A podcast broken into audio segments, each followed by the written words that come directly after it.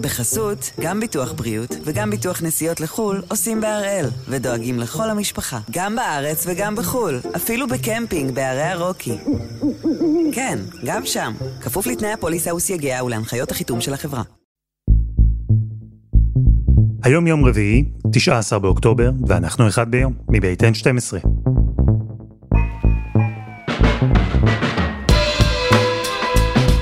אני אלעד שמחיוף ואנחנו כאן כדי להבין טוב יותר מה קורה סביבנו, סיפור אחד ביום, כל יום.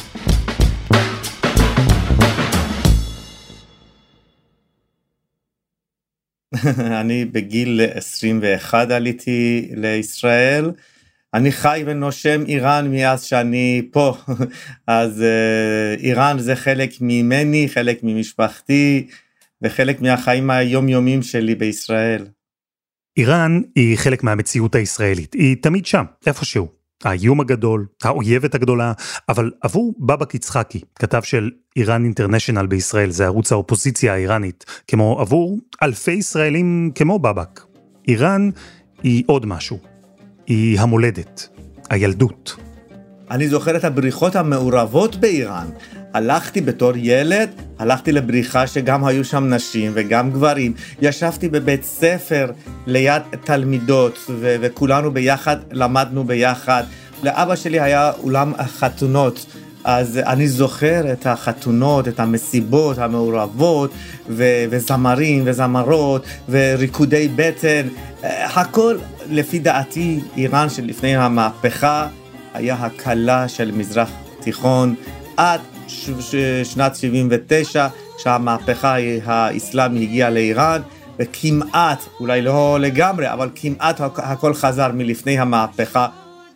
בבק חי וזוכר את שתי האיראן, זו שלפני המהפכה, שנכון, היא הייתה רחוקה מלהיות מושלמת, אבל זו שבה אפשר היה לראות נשים עם שיער פזור, לבושות בשמלות צבעוניות, או אפילו בביקיני, בחופים מעורבים. ובבק חי גם את איראן האחרת, זו של אחרי המהפכה האסלאמית, זו שבה אנשים חויבו ללכת עם חיג'אב. הלבוש שהיום עומד במרכזן של הפגנות אלימות בעשרות ערים.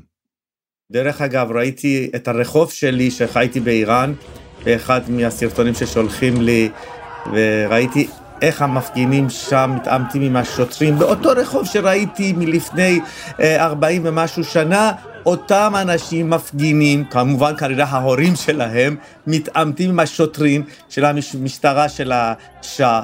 זה היה דיז'ה וו, זה היה הכל חזרה, וראיתי שזה הכל חוזר על עצמו באותו מקום, באותו רחוב, היה מרגש.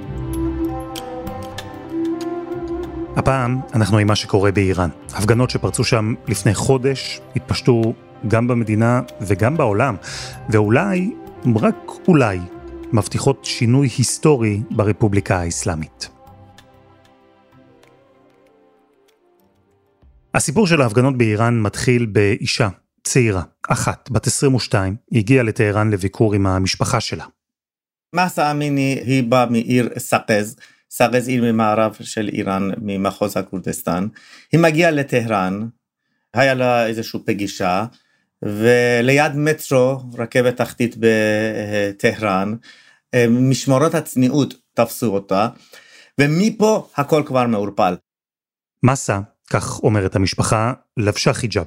הראש שלה היה מכוסה ברעלה, אבל כנראה שאותם פקחים של משמרות הצניעות חשבו שמשהו בא לא בדיוק לפי הכללים. אז הם עצרו את מסה, לקחו אותה למרכז לחינוך מחדש, מהסוג שנשים איראניות רבות נשלחות אליו.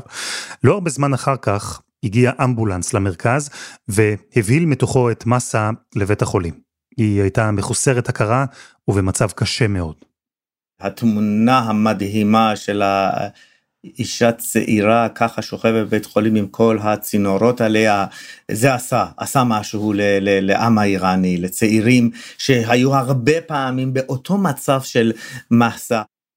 המשפחה של מסה, נשים שהיו איתה באותו מרכז לחינוך מחדש, כולם טוענים שמשמרות הצניעות היכו אותה, גרמו לפציעה קשה בראשה, גרמו למוות שלה. הם אומרים שמסה הייתה אישה בריאה, אבל הרשויות באיראן טוענות שמסה מתה מוות טבעי מבעיה בריאותית. התמונה של מסה הפכה להיות סמל של כל ההתנגדות הנשית אה, בתוך איראן, וברגע שהיא, אמרו שהיא נהרגה, היא מתה, זה הכל התפוצץ. Women in Iran set their headscarves on fire in fury. They are tired of the morality police beating them up and the Islamic Republic leaders who police their every move. והספז, העיר שנולדה מסה, קמה והתעמתה, זה כמו אש בשדה קוצים, הגיע לכל ערים בכורדסטן, ומשם הגיע למשהד, לטהרן, לשירז, אתה יודע, גם לקום. קום זה עיר הכי קיצוני דתי בתוך איראן, לערים אחרות, וכולם, ובמיוחד הצעירים, יצאו לרחובות עם שלושה דברים, זן, זנדגי, עזדי, אישה, חיים וחירות.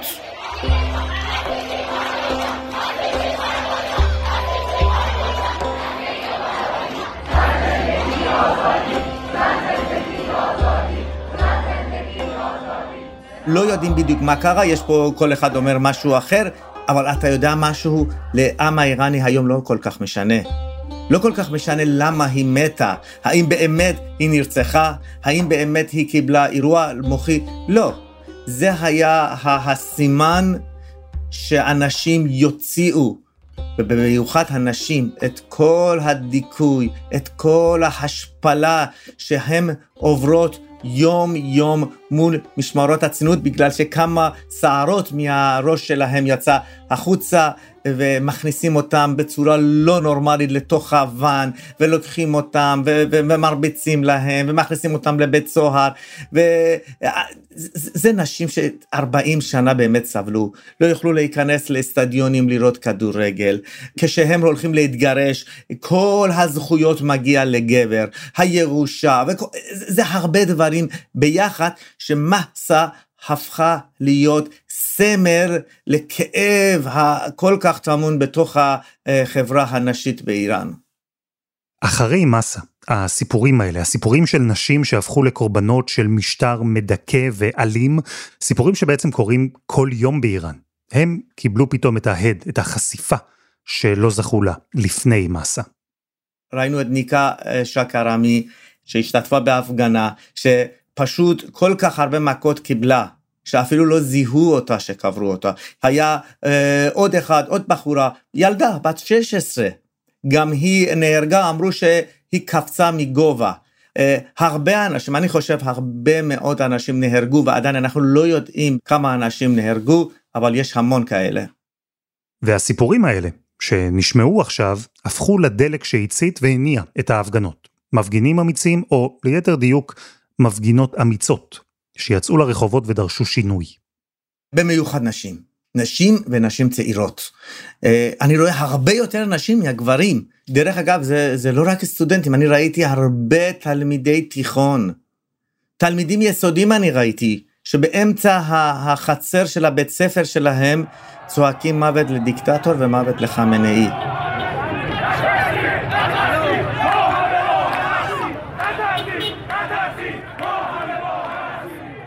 זהו, שהקריאות האלה, מוות לחמינאי, מוות לדיקטטור, הן כל כך חריגות באיראן, באופן הזה לפחות, בפומבי, בקול, זה כל כך חריג, שברור שהמחאה הפמיניסטית, אם תרצו לקרוא לה ככה, מחאת החיג'אב, המחאה נגד משמרות הצניעות, היא כבר הפכה באיראן למשהו אחר, למשהו גדול יותר.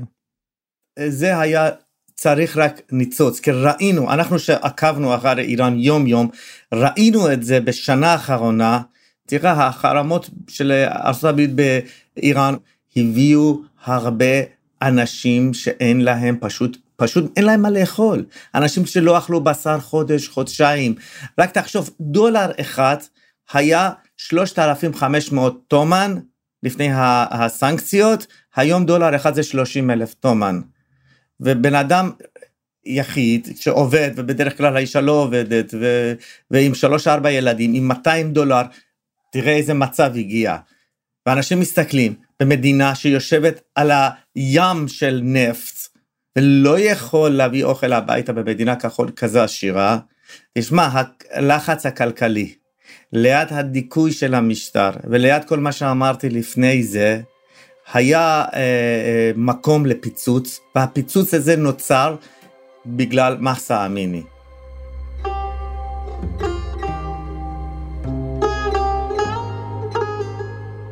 חסות אחת וממש מיד חוזרים.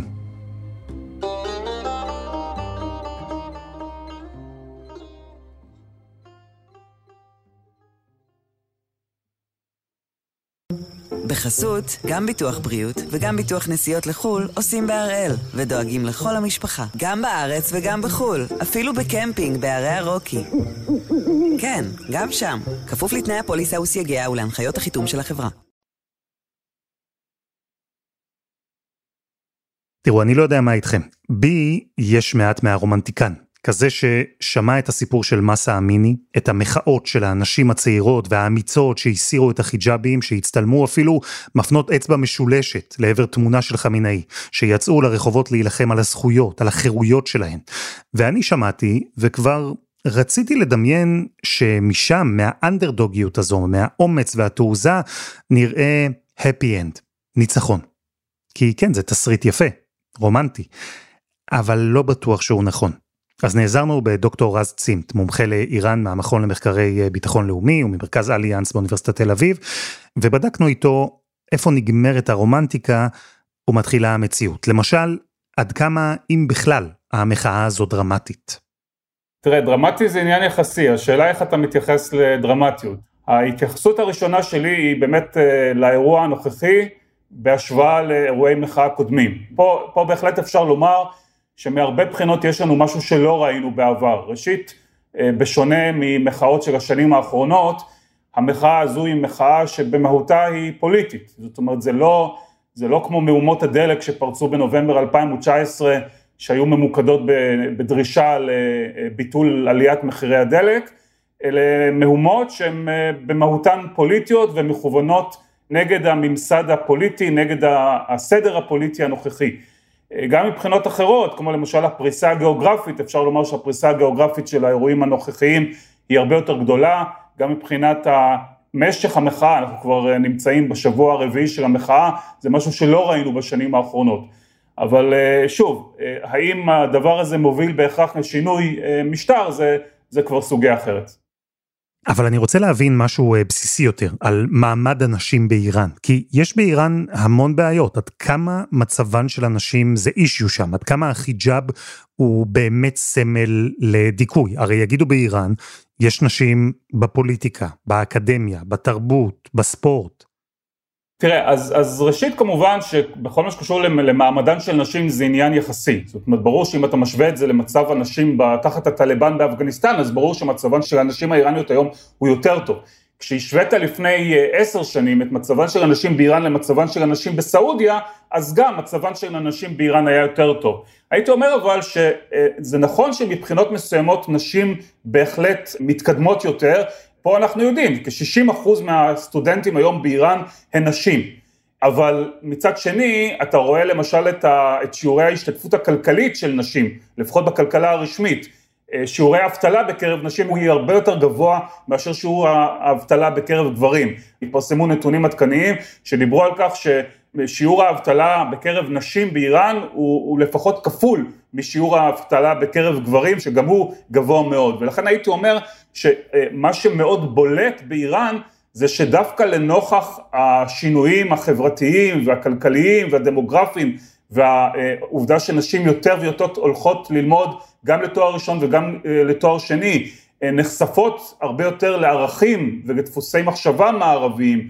אה, גם למשל באמצעות הרשתות חברתיות, הפער שבין הציפיות של אנשים לבין המציאות בפועל הולך וגדל גם הוא, ותחום הרעלה הוא ללא ספק אחד, אחד הסמלים למאבק של נשים למען הסרת מגבלות ואפליה נגדם. המחאה הזו מעניינת לא רק כי היא מדברת על זכויות נשים, אלא גם כי נשים מובילות אותה, מגוון של נשים, וכל אחת תורמת בדרכה.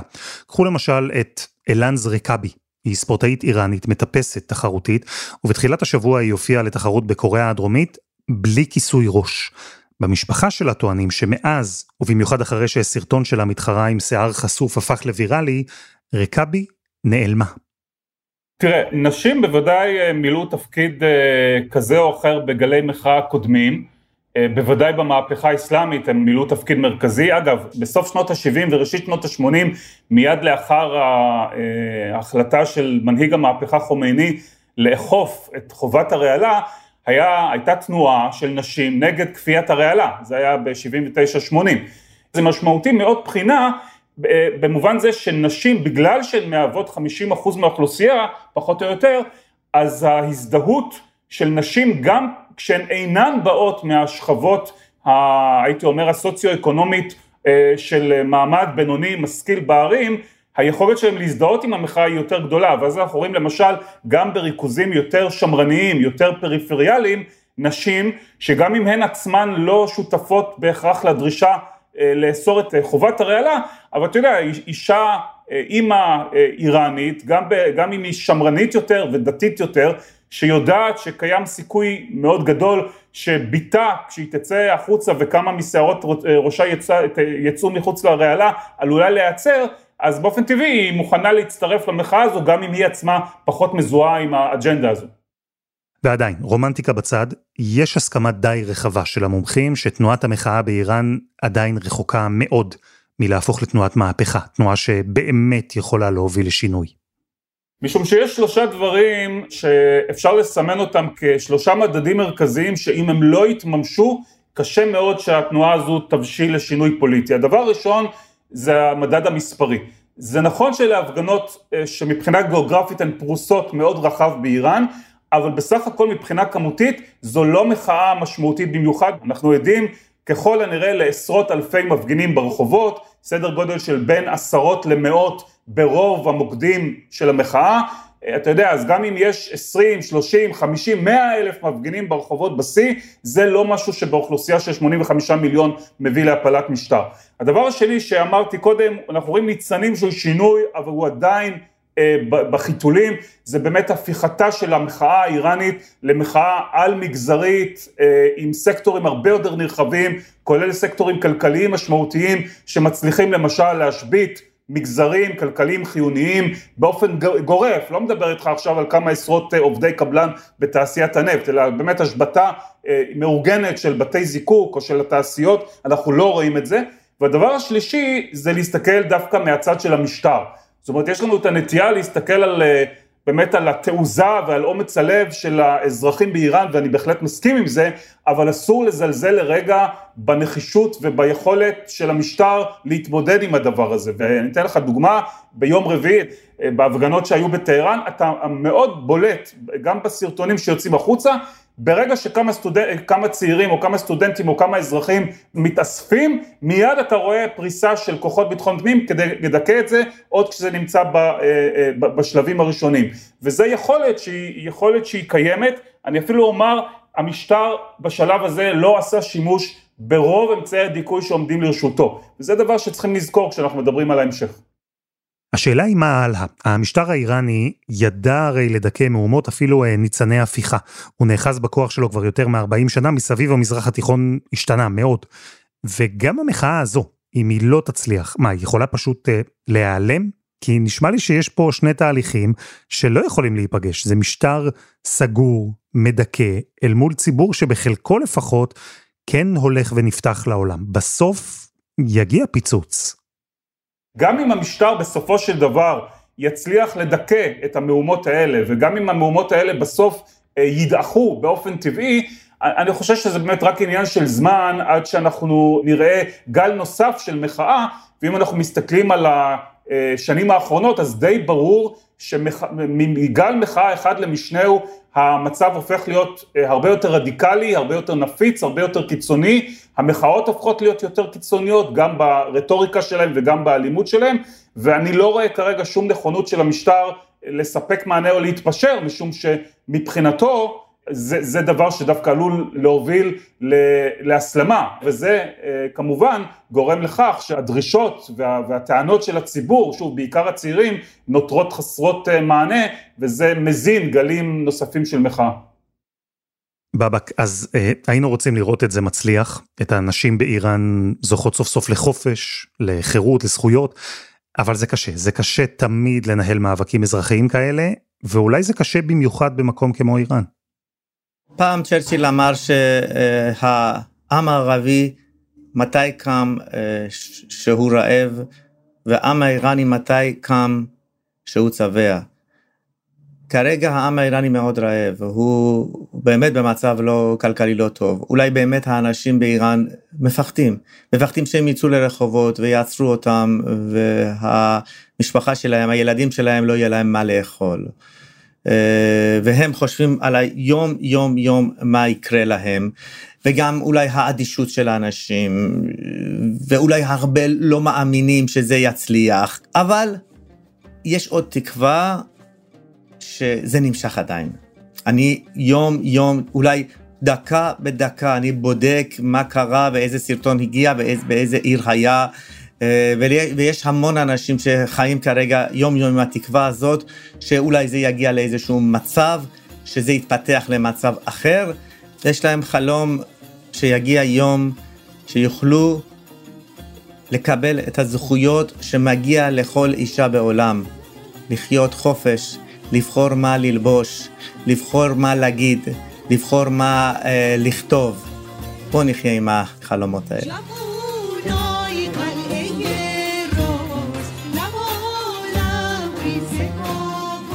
בבא יצחקי, תודה רבה. תודה רבה לך. ותודה לדוקטור רז צים.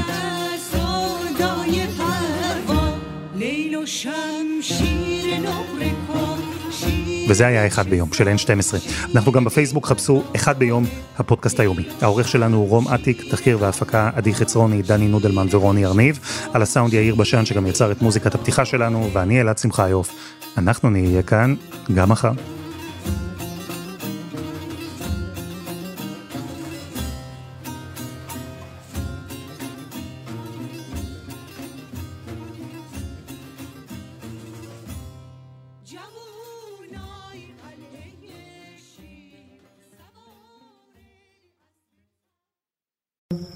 בחסות, גם ביטוח בריאות וגם ביטוח נסיעות לחו"ל עושים בהראל, ודואגים לכל המשפחה, גם בארץ וגם בחו"ל, אפילו בקמפינג בערי הרוקי. כן, גם שם, כפוף לתנאי הפוליסה וסייגיה ולהנחיות החיתום של החברה.